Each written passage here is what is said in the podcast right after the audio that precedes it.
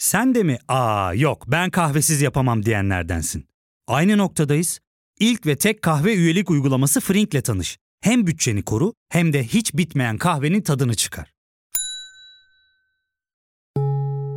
Yakınlarından terapinin onlara ne kadar iyi geldiğini dinlesen de kendin için bir şeylere başlamak zor geliyor olabilir. Ya da sevdiklerine yardım etmeye istekliyken kendi ihtiyaçlarını görebilmek.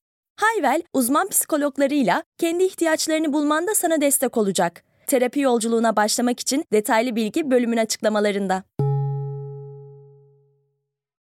Herkese merhaba. Bu kaydı 14 Kasım'da alıyoruz. Türkiye bir anayasal krizin içinden geçiyor. AYM'nin 28 Ekim tarihli Can Atalay kararı Yargıtay'ın 3. Ceza Dairesi tarafından alenen tanınmadı. Bu bölümde bu anayasal krizin tarihsel arka planına ve krizin bugünkü iz düşümüne odaklanacağız. Anayasa mahkemelerinin hukuk sistematiği içindeki işlevi ne? Hangi ideolojiler bu işlevin yerine getirilmesine karşı? Kriz gerçekten bugün mü patladı? Eğer daha önce patladıysa neden bugün görünür oldu? İşte bu sorulara cevap arayacağız. Girişi uzatmanın alemi yok. Ben Ozan Gündoğdu. Hazırsanız başlayalım.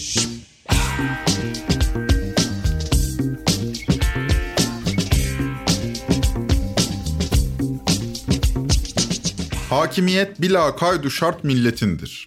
Bu tılsımlı ifade bizdeki anayasa yazınına 1921'de girdi. Daha arı bir Türkçe ile söylemek gerekirse egemenlik kayıtsız şartsız milletindir. Bugün de Türkiye Büyük Millet Meclisi kürsüsünde konuşan vekiller bu yazının önünde yaparlar konuşmalarını. Bu cümleyi çocukluğumuzdan beri duyarız da cümlenin öznesi olan egemenlik hakkında pek az düşünmüşüzdür. Mesela iktidar ile egemenlik aynı şey midir? Aynı şey ise bu durumda iktidar değiştikçe egemenlik de değişecektir. O zaman aynı şey olmasa gerek. Halbuki iktidara da gücünü veren şeye egemenlik diyoruz. Türk Dil Kurumu egemenliği şöyle tanımlamış.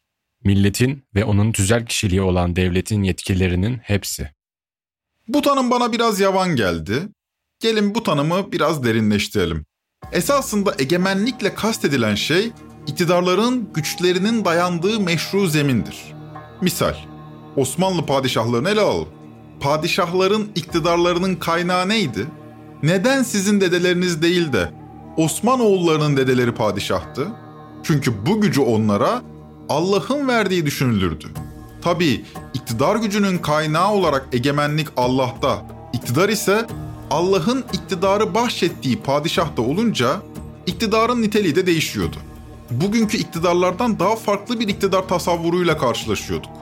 Bunun temel nedeni egemenliğin dünyevi değil, uhrevi olmasıydı. Yüzyıllar boyu monarklar, Tanrı'nın kılıcı, Tanrı'nın yeryüzündeki gölgesi gibi sıfatlar kullandılar. Kanuni Sultan Süleyman'ın Kral François'a yani Fransa kralına yazdığı mektup bu anlamda çok çarpıcıdır. Ben ki sultanlar sultanı, hakanlar hakanı, hükümdarlara taç giydiren, Allah'ın yeryüzündeki gölgesi, Akdeniz'in, Karadeniz'in ve Rumeli'nin ve Anadolu'nun ve Karaman'ın ve Sivas'ın ve Dulkadir vilayetinin ve Diyarbakır'ın ve Kürdistan'ın ve Azerbaycan'ın ve Şam'ın ve Halep'in ve Mısır'ın ve Medine'nin ve Kudüs'ün ve bütün Arap diyarının ve Yemen'in ve atalarım, ecdadımın kahredici kuvvetleriyle fethettikleri ve büyüklüğün sığınağı olan zatımın ateş saçan ve zafer nakşeden kılıcıyla fetheylediği nice memleketlerin sultanı.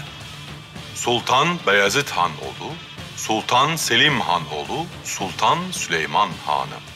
Kanuni'nin ve diğer Osmanlı padişahlarının diğer tüm monarklar gibi gücü Tanrı'ya dayandırılıyordu. Yönetme gücünün meşruiyeti bizzat Allah'ın kendisi olunca iktidar da mutlak bir otoriteyi temsil ediyordu. Çünkü egemenlik dünyevi değil, uhreviydi. Monark da kadiri mutlak olan Allah'ın dünyadaki temsilcisiydi. Monarkı toplumdan tümüyle ayırarak toplumu edilgenleştiren, böylece monarkı tek etken güç haline getiren bu egemenlik biçimine de monarşi adı veriliyordu. Dolayısıyla monarşi doğası gereği teokratikti.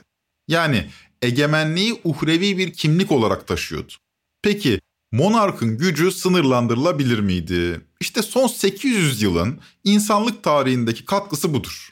1215'te bugünkü İngiltere topraklarında imzalanan Magna Carta Libertatum, insanlık tarihinde monarkın yetkilerini sınırlandırmaya kalkan ilk yazılı metin olarak karşımıza çıkıyor. Fakat orada da kralın yetkileri bir asilzadeler meclisi tarafından sınırlandırılıyordu. Yani tarafların ikisi de egemenliklerini ya da güçlerini diyelim bu noktada uhrevi bir kaynağa dayandırıyordu.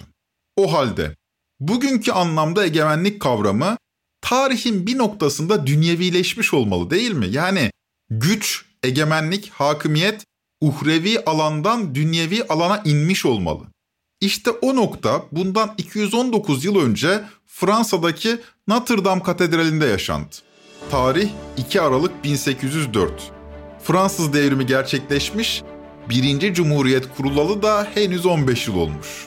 Napolyon Bonaparte, Cumhuriyete son vererek imparatorluğunu ilan etmiş ve bundan önceki tüm imparatorlar gibi bir taç giyme törenine ihtiyaç duyuyor. Törende tacı papa takmalı ki egemenliğin uhrevi kimliğine halal gelmesin. Yani alışıla gelen tören bu zaten. Bu sayede mutlak bir yetki Tanrı tarafından tescillenmiş oluyor. Böylece Papa 7. Pius Napolyon'un taç giyme törenine davet ediliyor. Fakat bu taç giyme töreni Napolyon'un son derece sembolik bir hareketine de sahne oluyor. Papa 7. Pius Fransa tacını eline alıyor ve herkes Napolyon'un diz çökmesini bekliyor. Fakat o da ne? Napolyon Papa karşısında diz çökmüyor. Herkesin gözü önünde Papa'nın elinden tacını alıyor ve tacı kendi kafasına geçiriyor. Bu olay egemenliğin dünyevileşmesi meselesinde bir tür dönüm noktası oluyor. Tabi bu sadece Napolyon'un gücüyle ilgili değil. Arkasında bir de Fransız devrimi var. Ve böyle bir dönüm noktası önemli bir sanat eseriyle betimleniyor. Ressam Jacques-Louis David'in 6 metreye 10 metre büyüklüğünde yapımı 2 yıl süren ve bugün Louvre Müzesi'nde sergilenen Napolyon'un taç giyme töreni adlı eseri bu önemli hadiseyi resmediyor. Ankara Üniversitesi Siyaset Bilimi Kürsüsü'nden Profesör Erdem Denk bu devasa tablonun önünden anlatmış bu törenin önemini. Tablonun en önemli özelliği aslında Napolyon'un tacı kendisi giyer gibi pozisyon alması ki bu aslında yakın dönem Avrupa tarihini düşünürsek o dönem için neredeyse bir devrim tırnak içinde. Çünkü o zamana kadar Kusa Roma İmparatoru olarak bildiğimiz bütün hanedanlar Habsburg mesela tacı mutlaka bir papanın elinden giyerdi. Burada gördüğünüz gibi papa aslında sadece bir izleyici. Sahnedeki herkes sadece Napolyon'a bakıyor. Napolyon her şeyin odağında olan bir kişi ki tacı elinde tutuyor. Yani egemenliğin kaynağının da kendisi olduğunu adeta gösteriyor. Çünkü Egemenliğin dünyevileşmesi konusunda Napolyon çok kritik bir isimdi. Bir başka örnek olay da Napolyon'un taç giyme töreninden birkaç yıl önce ABD'de yaşandı. 1800 yılındaki ABD seçimlerine hala hazırda başkan olan John Adams ve Thomas Jefferson girmiş ve seçimi Jefferson kazanmıştı. Kıyamet de bu yenilgiden sonra koptu. Adams görevi Jefferson'a devretmeden iki gün önce 16 adet yeni mahkeme kurdu ve gider ayak her birine yeni yargıçlar atadı. Atamaları senatoda onayladı. Fakat atama kararları yargıçlara henüz ulaşmamışken ABD başkanlık koltuğuna Jefferson oturdu. Şimdi ne olacak? Eski başkan karar vermiş. Senato onaylamış. Fakat kararlar yeni atanan yargıçlara tebliğ edilmemiş. Atama kararları yeni Adalet Bakanı Madison'ın masasında duruyor. Gıcıklık değil mi? O da atama kararlarını tebliğ etmiyor. Sizce kim haklı? Eğer egemenlik uhrevi olsaydı kimin haklı olduğu önemli değildi. Mutlak güç kararı verir ve konu kapanırdı. Fakat egemenliği dünyevileştirmek buna benzer karmaşık birçok durum da yarattı. Ataması yapılan yargıçlardan biri olan Merbury diyor ki, eski de olsa başkanın kararı var, e senato da karar vermiş, benim yargıç olmam lazım. Adam haklı bu noktada. Adalet Bakanı Madison da diyor ki, tebliğ etmiyorum olamazsın, yetki bende değil mi? Merbury de böyle olunca yüksek mahkemenin yolunu tutuyor, Adalet Bakanı Madison'ı dava ediyor. Ve John Marshall başkanlığındaki yüksek mahkeme tarihi bir karar veriyor. Diyor ki, atama kararı tebliğ edilmeyen yargıç Merbury haklıdır. Tamam, biz de hak verdik deminden beri. Atama kararının ona tebliğ edilmesi gerekir. Okey. Yasaya göre yüksek mahkemeye başvuru hakkı da vardır. Ona da okey. Ancak işte burada tarihsel bir manevraya girişiyor yüksek mahkeme. yasaya göre diyor başvuru hakkı vardır da anayasaya göre Marbury'nin yüksek mahkemeye doğrudan başvurma hakkı yoktur. O halde yasa anayasaya aykırıdır. Bu nedenle Marbury'nin talebi onaylanmamıştır. Gerekçeli kararında da mahkeme başkanı Marshall bugün alışkın olduğumuz ama o tarih için yeni olan şu akıl yürütmeyi yapar. Her hukuk kuralı kendinden üstün olan hukuk kuralı karşısında gücünü kaybeder. Anayasa yasalardan üstün bir hukuk kuralıdır. Yasalar anayasa karşısında güçlerini kaybeder. Yargıçlar yasaya göre değil, anayasaya göre davayı karara bağlamalıdır. İnsanlık tarihinde ilk kez bir mahkeme anayasaya aykırı olduğu için yasayı iptal etmiş ve böylece tarihte ilk defa bir mahkeme fiilen de olsa anayasal uygunluk denetimi yapmıştı. Bu karar anayasayı yasama organına karşı da koruyacak bir merciğin olması gerektiğine ve bunun da yargı olduğuna hükmeden ilk karardır. Yani anayasaya uygunluk denetimini yapacak olan erk temel olarak yargıdır ve bu yüzyıllardır böyledir. Bu ifadeyi vurgulayalım. Anayasayı yargı organına karşı da koruyacak erk yargıdır. Yasama organında gücü eline geçiren bir çoğunluk anayasayı ilga etmeye kalkarsa buna engel olacak güç yargı organıdır. Peki yasama organı anayasayı hedef alıyor mu? Almaz mı? 1930'lar Avrupa'sına gidelim. Meine Arbeit für richtig hältst. Ob du glaubst, dass ich fleißig gewesen bin, dass ich gearbeitet habe, dass ich mich in diesen Jahren für dich eingesetzt habe. 1933'te Almanya'da iktidarı ele alan Adolf Hitler ve Nazi Partisi'nin yaptığı tam da buydu. İtalya'da Mussolini'nin yaptığı, İspanya'da Franco'nun yaptığı, Portekiz'de Salazar'ın yaptığı tam da buydu. Naziler seçimi kazanmış ve parlamentoda çoğunluğu ele geçirmişti. Ama parlamentodaki güçlerini anayasayı ilga ederek kullandılar. Parlamentoların çıkardığı yasaların anayasaya uygunluğunu denetleyen bir mahkemeden mahrum olan bir sistem, içeride üreyen tehdide boyun eğmek zorunda kalıyordu. Bu anayasal krizi aşabilmek adına hukuk teorisyenleri bu tip bir tehdidin bir daha yaşanmaması adına ne yapılması gerektiğini tartışıp durdular. Bu tartışmaya Avusturyalı bir hukuk teorisyeni ve Avusturya Anayasası'nın da yazarı olan Hans Kelsen öyle bir katkı yaptı ki dünya hukuk terminolojisini deyim yerindeyse yeniden yazdı. Kelsen'in önerisi basitti. Anayasayı koruma görevi bir ihtisas mahkemesinde olmalıydı. Böylece diğer mahkemelerden bağımsız ve diğer mahkemelerin üzerinde bir anayasa mahkemesi oluşturulmalıydı. Kelsen'in bu önerisi 2. Dünya Savaşı'ndan sonra kıta Avrupa'sında geniş kabul gördü. Ve 1930'larda faşist yönetimler altında büyük yıkım yaşayan Avrupa'da 1940'lar ve 50'lerde anayasa mahkemeleri kurulmaya başladı. Yani 20. yüzyılda görüldüğü biçimiyle anayasa mahkemeleri faşizme karşı bir güvenlik sibabı olarak kurulmuştu. Bu nedenle anayasa mahkemelerini faşistler hep bir tehdit, hep bir tür güç sınırlayıcı olarak gördüler. Çünkü faşist yönetimler anayasayla bile olsa kendileri dışında bir erkin onlara sınır çizmesini istemiyordu. Anayasa mahkemeleri varoluşu gereği demokratikti ve varoluşu gereği antifaşist mahkemelerdi. Ve yine varoluşu gereği bağımsızlığı üzerinde titizlikle durulmalıydı. Türkiye Cumhuriyeti Anayasa Mahkemesi Başkanı Zühtü Aslan da bundan 6 ay önce 25 Nisan 2023'te gerçekleşen mahkemenin 61. kuruluş yıl dönümünde de yargı bağımsızlığına özellikle vurgu yapıyordu. Anayasamızın 138. maddesi hakimlerin vicdani kanaatlerine göre karar verecekleri, yargı yetkisinin kullanılmasında mahkemelere ve hakimlere tavsiye ve telkinde bulunmak dahil hiçbir surette müdahale edilemeyeceği açıkça ifade edilmektedir.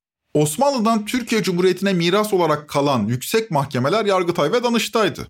Anayasa Mahkemesi gibi bir kurum da Cumhuriyet'in ilk 28 yılında yoktu.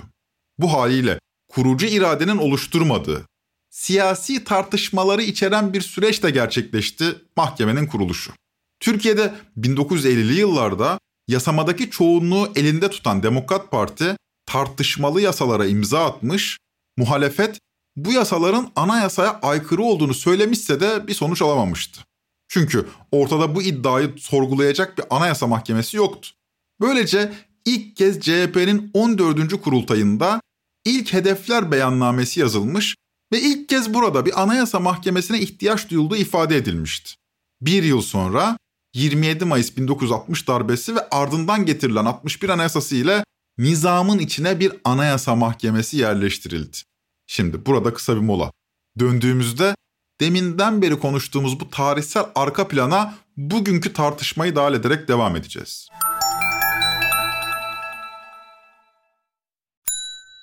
Ya fark ettin mi? Biz en çok kahveye para harcıyoruz. Yok abi, bundan sonra günde bir. Aa, sen Frink kullanmıyor musun? Nasıl yani? Yani kahvenden kısmına gerek yok. Frink'e üye olursan aylık sadece 1200 TL'ye istediğin çeşit kahveyi istediğin kadar içebilirsin. Günlük 40 TL'ye sınırsız kahve mi yani? Çok iyiymiş. Aynen. Hatta şu anda 200 TL'lik bir indirim kodu da var. E hadi hemen indirip üye ol da bu fırsatı kaçırma. Terapiye başlamak, içinden çıkamadığın döngüleri kırmak, bazı yanlış bulduğun kararlarını değiştirmek ve kendinle beraber daha huzurlu bir yaşam inşa etmek için atabileceğin en değerli adımlardan biri. Hayvel ile yoğun yaşam tempona uyum sağlayarak online terapi seanslarını takvimine göre ayarlayabilirsin. Bini aşkın uzmandan sana en uygun terapisti seçebilir, podb10 koduyla indirimden yararlanabilirsin. Detaylı bilgi açıklamalardaki bağlantıda. Bu tarihsel arka plan anayasa mahkemelerinin demokratik sistem için önemini ortaya koyuyor diye düşünüyorum. Dolayısıyla tartışma nezaketle yürütülmeliydi. Çünkü anayasa mahkemesi dediğiniz şey nizamın en temelindeki kolonları oluşturuyordu. Fakat Devlet Bahçeli 14 Kasım'daki grup toplantısında bu nezaket gerektiren meseleye deyim yerindeyse züccaciye dükkanına giren bir fil gibi daldı.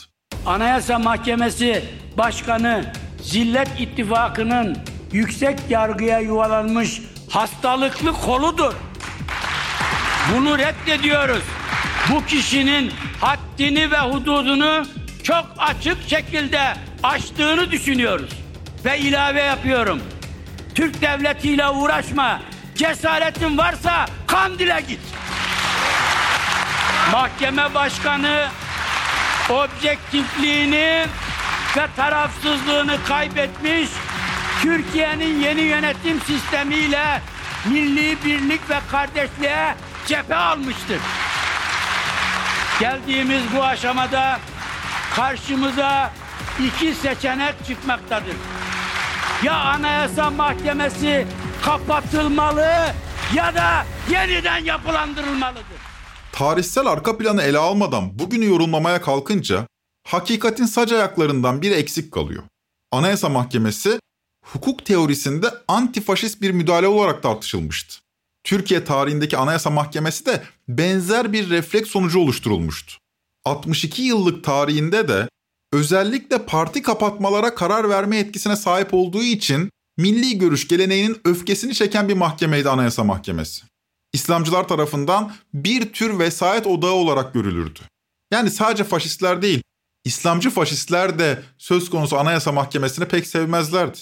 İslamcıların demokrasiyi kavrama düzeyi, deminden beri anlattığım tarihsel arka plana saygı duymadığı için konunun ihtiyaç duyduğu nezakete de riayet edilmeyecekti. Hatta Milli Görüş'ün kurucu lideri Necmettin Erbakan'ın Anayasa Mahkemesi kararlarına direnmemesi veya bu kararlara saygı duyduğunu beyan etmesi İslamcılar tarafından da sıkça eleştiri konusu yapılmıştı. Milli Görüş'ün 80'ler ve 90'lardaki Refah Partisi AYM tarafından kapatıldıktan sonra Erbakan'ın Ocak 1998'deki konuşması çok tartışıldı o zamanlarda. Anayasa Mahkemesi Refah Partimiz hakkında bir karar almış, kararı açıklamıştır. Her şeyden evvel huzurlarınızda ifade ediyorum ki Anayasa Mahkemesi Türkiye'nin kuruluş itibariyle en yüksek mahkemesidir. Bunun almış olduğu kararlara bütün kuruluşların riayet etmesi gerekir. Hatta bu kararlar adli bakımdan birer vahim hata olsalar dahi bu bir hukuk devletinde hatalı da olsa kararlara itaat edip uyulması gerçeğini ortadan kaldırmaz. Erbakan'ın mahkeme kararlarına saygı duyan bu tavrı İslamcı geleneğin taşıyıcısı Erdoğan'da yoktu. Erdoğan, Selefi Erbakan'dan farklı olarak sadece İslamcıları değil, Türk sağının tüm renklerini kuşatmaya çabaladı. Bu noktadaki temel stratejisi tüm Türk sağı adına mazlumluk söylemi geliştirerek daha fazla güç talebi yaratmaktı. Türk sağı çok ama çok daha fazlasını hak ediyordu. Ama hak ettiğini alamadığı için mazlum ve mağdurdu. Bu nedenle mazlumluk söylemi esasında bir tür güç talebiydi. Daha fazla güç. Böylece iktidarını kurumsallaştırdıkça AYM kararlarına da açıkça karşı durmayı kendisine hak bilecekti Erdoğan. Zaten geçmişten bugüne AYM değil miydi mazlumluğun nedeni? Zaten bir tür Kemalist vesayet odağı değil miydi AYM?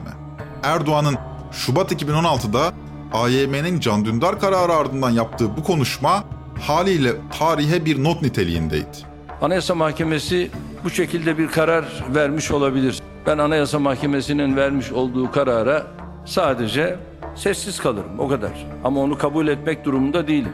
Bunu da çok açık net söyleyeyim. Ve verdiği kararı da uymuyorum, saygı da duymuyorum.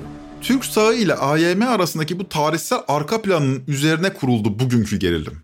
AYM kararları bu zamana dek hep tartışma konusu yapılmıştı. Hatta bizzat Cumhurbaşkanı kararlara saygı duymadığını açıklamıştı. Ama alenen, açık biçimde AYM kararına uyulmamasına karar verilmiştir ifadesi yargı tarihimiz açısından bir ilkti. Evet, 8 Kasım 2023'te Yargıtay 3. Ceza Dairesi bir yargı kararından ziyade bir manifesto niteliğinde bir karar açıkladı. Bu kararda 3 hüküm kuruldu.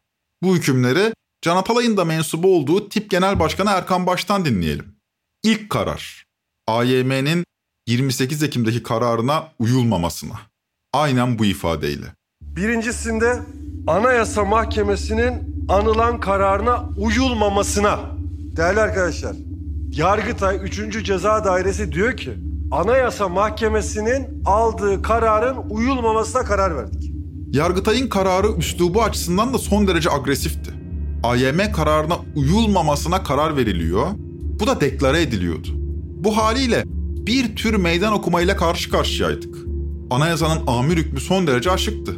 153. maddesinde Anayasa Mahkemesi kararları yasama, yürütme ve yargı organlarını, idare makamlarını, gerçek ve tüzel kişileri bağlar deniyordu. Dünyanın geri kalan diğer anayasa mahkemeleri gibi Türkiye Cumhuriyeti'nin Anayasa Mahkemesi'nin de kararları bağlayıcıydı. Fakat Yargıtay'ın 3. Ceza Dairesi karara uymayacağını açıkça bildiriyordu. Böylece 153. maddeyi takmadığını da deklare ediyordu. Yetmiyor, ikinci bir karar daha alıyordu 3. daire. İkinci karar. Türkiye Büyük Millet Meclisi'ne bu karar ulaştırılsın. Can Atalay'ın milletvekilliği derhal düşürülsün. Burada meclise de doğrudan sesleniyor Yargıtay. Biz uymuyoruz AYM kararına, siz de uymayacaksınız deniyor.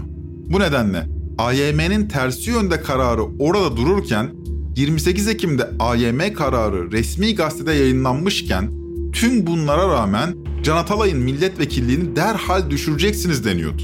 Bu durum meclise de bir saygısızlık olarak yorumlandı. Ve geldik üçüncü karara. Çokça tartışılan üçüncü karar. Burada doğrudan AYM üyeleri hedef alınıyordu. Üçüncü karar, Anayasa Mahkemesi üyeleri hakkında suç duyurusunda bulunmak. En çok tartışılan kararlardan biri de bu. Tam olarak şöyle yazıyor Yargıtay 3. Ceza Dairesi. Anayasa hükümlerini ihlal eden ve kendisine verilen yetki sınırlarını yasal olmayacak şekilde aşarak hak ihlalinin kabulü yönünde oy kullanan ilgili Anayasa Mahkemesi üyeleri hakkında gereğinin takdir ve ifası için Yargıtay Cumhuriyet Başsavcılığına suç duyurusunda bulunmasına. Burada artık tümüyle bir manifestoya, tümüyle bir bildiriye dönüşüyor karar. AYM üyelerini yine AYM üyeleri yargılayabiliyor bu arada ve salt çoğunlukla karar veriyor. 28 Ekim'deki AYM kararına 9 üye imza atmış. 4 üye bu karara karşı çıkmış. Bu 9 üyenin diğer 4 üye tarafından yargılanması zaten mümkün değil. Fakat Cumhurbaşkanı hukuk işlerinden sorumlu baş danışmanı Mehmet Uçum'a göre bu karar sonuç doğurmasa bile bir tür cesaret göstergesiymiş. Mehmet Uçum daha da derinlere dalıyor ve sonuçları çok ciddi olacak bir ayrımı da ortaya koyuyor. Yargıyı milli ve gayrimilli olarak ayırıyor. Açık açık milli yargı ifadesini kullanıyor. 8 Ekim'de attığı tweetinde aynen şunları söylüyor. Suç duyurusu meselesi ise milli yargıya karşı saldıranların çok büyük bir birikim oluşturması sebebiyle reaksiyoner bir tavırdır. Bir anlamda kral çıplak demektir. Yönteminin bu olup olmadığı ayrıca tartışılır. Ama cesareti tartışılmaz. Yargıtay'ın kararı ayrıca turnusoldür. Kim milli yargıdan yana, kim değil belli olur. Türkiye, milli yargısını batıcı ve neoliberal yargı anlayışlarına karşı sonuna kadar savunacaktır. Kimsenin bundan şüphesi olmasın. Bu arada Mehmet Uçum'un Twitter hesabını ziyaret etmenizi tavsiye ederim. Bunu yaparsanız şunu göreceksiniz. Uçum ya tweet atıyor ya da iki ismi retweetliyor. Bunlardan biri Erdoğan. Diğeri ise kim biliyor musunuz? Süleyman Soylu. Süleyman Soylu ne zaman tweet atsa Uçum o tweet'i retweetliyor. Uçum'un bu zamana dek yeni İçişleri Başkanı Ali Yerlikaya'nın bir tweetini paylaştığı da görülmedi. Peki tüm bunlar ne anlama geliyor? Anayasa Mahkemesi neden sorun oluşturuyor? MHP neden bu işe bu kadar göbekten dalıyor? Önce görünür nedene bakalım. Sonra arka plana odaklanalım. Görünür neden Anayasa Mahkemesi'nin bireysel başvuruları değerlendirmesinde yatıyor. Zaten hem Yargıtay kararı hem de Devlet Bahçeli bireysel başvuruların sistemi tıkadığından dert yanıyor. 14 Kasım'daki MHP grup toplantısına gidelim. Anayasa Mahkemesi adalet ve hukuk düzeninin safrası ve sancısıdır. Bu kaçınılmaz gerçeği kabul etmeden son gelişmeleri kavramak mutlak mutlanla batıldır. Anayasa Mahkemesi'nin bireysel başvuru incelemelerinde hukuk ve toplum düzenini tahrip edecek kararlar alması, yasa ve anayasa koyucunun iradesini yok sayması, hatta anayasa hükümlerini işlevsiz hale getirmesi vakayı adliyeden sayılamayacak bir sapma ve sürüklenme halidir. Konu dönüp dolaşıyor ve AYM'nin bireysel başvurulara karar vermesine dayanıyor. Bu yetki AYM'ye 2010 referandumunda verilmişti.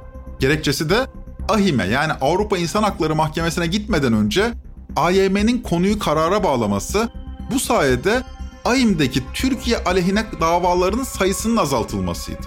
Bireysel başvuruda AYM bu standartları gözetiyor. Böylece bir tür yurt içindeki ahim görevini görüyordu. Fakat 2016'dan itibaren darbe girişiminin ardından ortaya çıkan olağanüstü iklimde bir takım yargıçlar politikleşmiş, bu sayede imtiyaz elde etmişti. Son 7 yılda geçmişteki FETÖ yargısına aynı olmasa da benzer nitelikte bir imtiyazlı politikleşmiş klik meydana gelmiş ve bu klik politik kararlar vererek bir tür vesayet odağı haline gelmişti. Tıpkı Fethullahçıların yaptığı gibi Hakimler ve Savcılar Kurulu üzerinden önce ilk derece mahkemelerinden ardından yüksek mahkemelere sızarak etkin ve güçlü bir gruba dönüştüler bunlar. Belki de sızma ifadesi yanlış oldu onu düzeltelim. Bu grup alenen iktidar tarafından korundu. Yani ortada bir sızma falan yoktu. Zira bu olağanüstülüğün gerektirdiği de buydu. Bize anlatılan da buydu. Bu grubun uyguladığı ceza hukuku yöntemi de ilk kez 1985'te Alman hukuk teorisyeni Günter Jacobs tarafından zikredilen düşman ceza hukukuydu. Terörle mücadeleyi gerekçe göstererek geliştirilen bu kavramda yurttaşlara uygulanan ceza hukuku ile bir de başka yurttaşlar yaratılıyor. Milli güvenliğe tehdit oluşturduğu düşünülen yurttaşlara uygulanan ceza hukuku ayrışıyordu. Böylece hukuken olmasa da fiilen iki ayrı ceza hukuku ortaya çıkıyordu. Biri yurttaş ceza hukuku, diğeri düşman ceza hukuku. Fakat sorun şu ki yurttaşların bir kısmı düşman olarak anılacak ve onlara ayrı bir ceza hukuku sistematiği uygulanacaksa düşmanı kim belirleyecekti? İşte burada siyaset kurumu devreye giriyordu. Bunun için bazı suçluların yurttaş, bazı suçluların düşman olarak ayrılması gerekiyordu. Makbul suçlular yaratmak düşman ceza hukukunun olmazsa olmazıydı. Alaaddin Çakıcı'nın bu devlete, bu millete nasıl hizmet ettiğini bilenler bilir, bilmeyenler de kendileri bilir. Anayasalar hak ve özgürlüklere ilişkin tüm detayları yazmaz. Nitekim cezalar da anayasada bulunmaz. Bu haliyle ilk derece ve yüksek mahkemeler anayasayı ve yasaları yorumlayarak hüküm kurarlar. İşte yargı içinde politikleşerek imtiyaz elde etmiş bir klik, hükümlerini düşman ceza hukuku çerçevesinde kurdular. Fakat AYM'ye bireysel başvuru hakkının olması, iç hukuk yolları tıkandıktan sonra AYM'nin kararlarını sorun haline getiriyordu. Zira AYM kararı veriyor ve bu karar yeni bir norm oluşturuyor. İlk derece ve yüksek mahkemelerdeki yargıçlar da kendi felsefelerine uymayan AYM kararlarına uymak zorunda kalıyordu. Bu da söz konusu o politik kliği rahatsız ediyordu. Böylece son 7-8 yılın davaları 2020-2021'de AYM'ye taşınmaya başlayınca sorun yavaş yavaş köpürmeye, kaynamaya başladı. Böylece bu tarihlerden itibaren iktidar ile AYM arasındaki gerilim su yüzüne çıkmaya başladı. Konuyu derinlemesine takip etmeyenler MHP lideri Devlet Bahçeli'nin bundan 9 ay önce AYM'ye hedef alan ilk açıklamasına anlam verememişti. Halbuki sorun biraz önce bahsettiğim bireysel başvurularda yaşanıyordu. Bahçeli AYM'ye yüklendikten hemen sonra Yargıtay Başkanı Mehmet Akarca bir basın toplantısı düzenleyerek bu meseleyi ele almıştı. Dikkat edin ve kulak kabartın. 9 ay önceye gidiyoruz. Ocak ayına gidiyoruz. Anayasa Mahkemesi'nin başta Balyo kararı olmak üzere bireysel başvurularda verdiği kararların Yargıtay'ın FETÖ'yle mücadelesine olumsuz etkisi var mı sorusuna yanıt veren Yargıtay Başkanı Anayasa Mahkemesi kararlarına yönelik sert eleştiri geldi. Yüksek Mahkemeyi yetkisini aşarak yargısal aktivizm yapmakla eleştiren Akarca yasal ve anayasal yetki aşılıyor dedi. Bugün de Devlet Bahçeli ve Mehmet Uçum aynı ifadeyi kullanıyor ve yargısal aktivizm yapılıyor diyorlar. En tepede AYM'nin kontrol altında olmaması aşağıda politikleşerek imtiyaz elde etmiş bir yargı kliğinin bütün işlerini bozuyor. Şimdi bu mesele işin görünen kısmı. Ayan beyan ortadaki tartışma bu. Yani biraz didikleyince zaten ortaya çıkan bu tartışmayı görüyorsunuz. Bir de buzlu camın arkasından gözlediğimiz mesele var ki o meseleyi önümüzdeki yayınlarda çok konuşmak zorunda kalacağımız kesin gibi. Erdoğan Ali Yerlikaya üzerinden MHP'nin altına uyuyor. MHP ise buna düzeni olağanüstüleştirerek ve böylece yargıdaki gücünü sınır tanımaz hale getirerek cevap veriyor. Görünürde her ikisi de sarsılmaz bir ittifak içindeler. Fakat kamuoyu desteği MHP'nin karşısında yerli kayanın arkasında. Sadece MHP diyerek aslında biraz manipülatif bir ifade kullanmış oluyorum. MHP ve etrafındaki bir takım saray odakları da demek daha doğru olabilir. Fakat kamuoyu desteği bu odağın karşısında Ali Yerlikaya'nın arkasında. Yani Devlet Bahçeli mi Ali Yerlikaya mı diye şöyle bir kamuoyu yoklaması yapsanız herhalde memleketin %90'ı falan Ali Yerlikaya cevabını verecektir. Erdoğan bu kamuoyu desteğini kullanarak 31 Mart sonrasında MHP ile gerilimi tırmandırabilir. Taraflar şimdilik birbirlerine açıktan saldırmasalar da savaş seçimden sonra aleniyet kazanabilir. Dolayısıyla MHP ve Erdoğan arasında veya Erdoğan ile adını koymadan söz konusu bu klik arasında bir çatışma yaşanmasına artık olağan görmek gerekir. Anayasa mahkemeleri 20. yüzyılda İkinci Dünya Savaşı'ndan sonra antifaşist bir mekanizma olarak inşa edildi. Fakat 21. yüzyılın neofaşizmi intikam peşinde.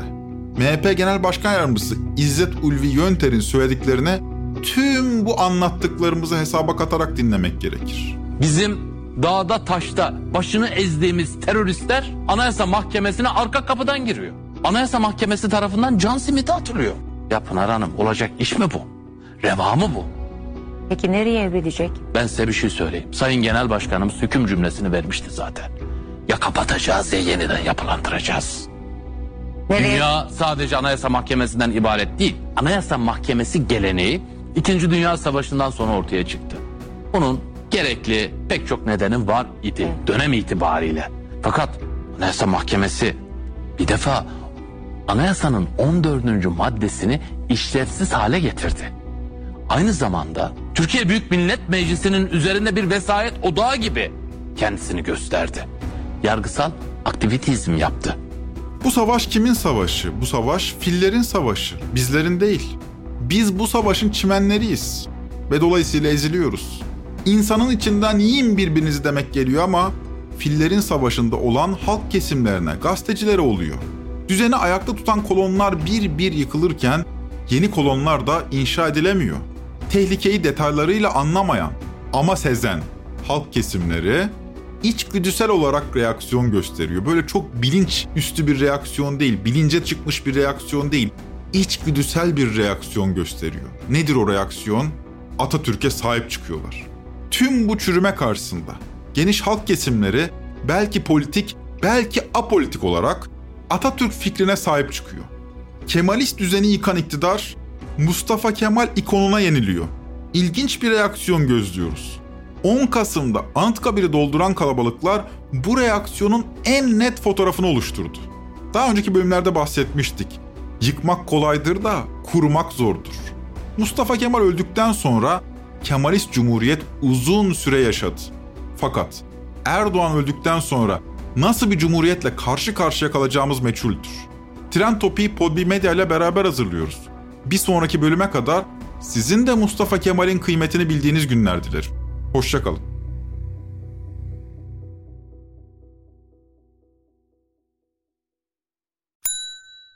İlk ve tek kahve üyelik uygulaması Frink, 46 ildeki 500'den fazla noktada seni bekliyor.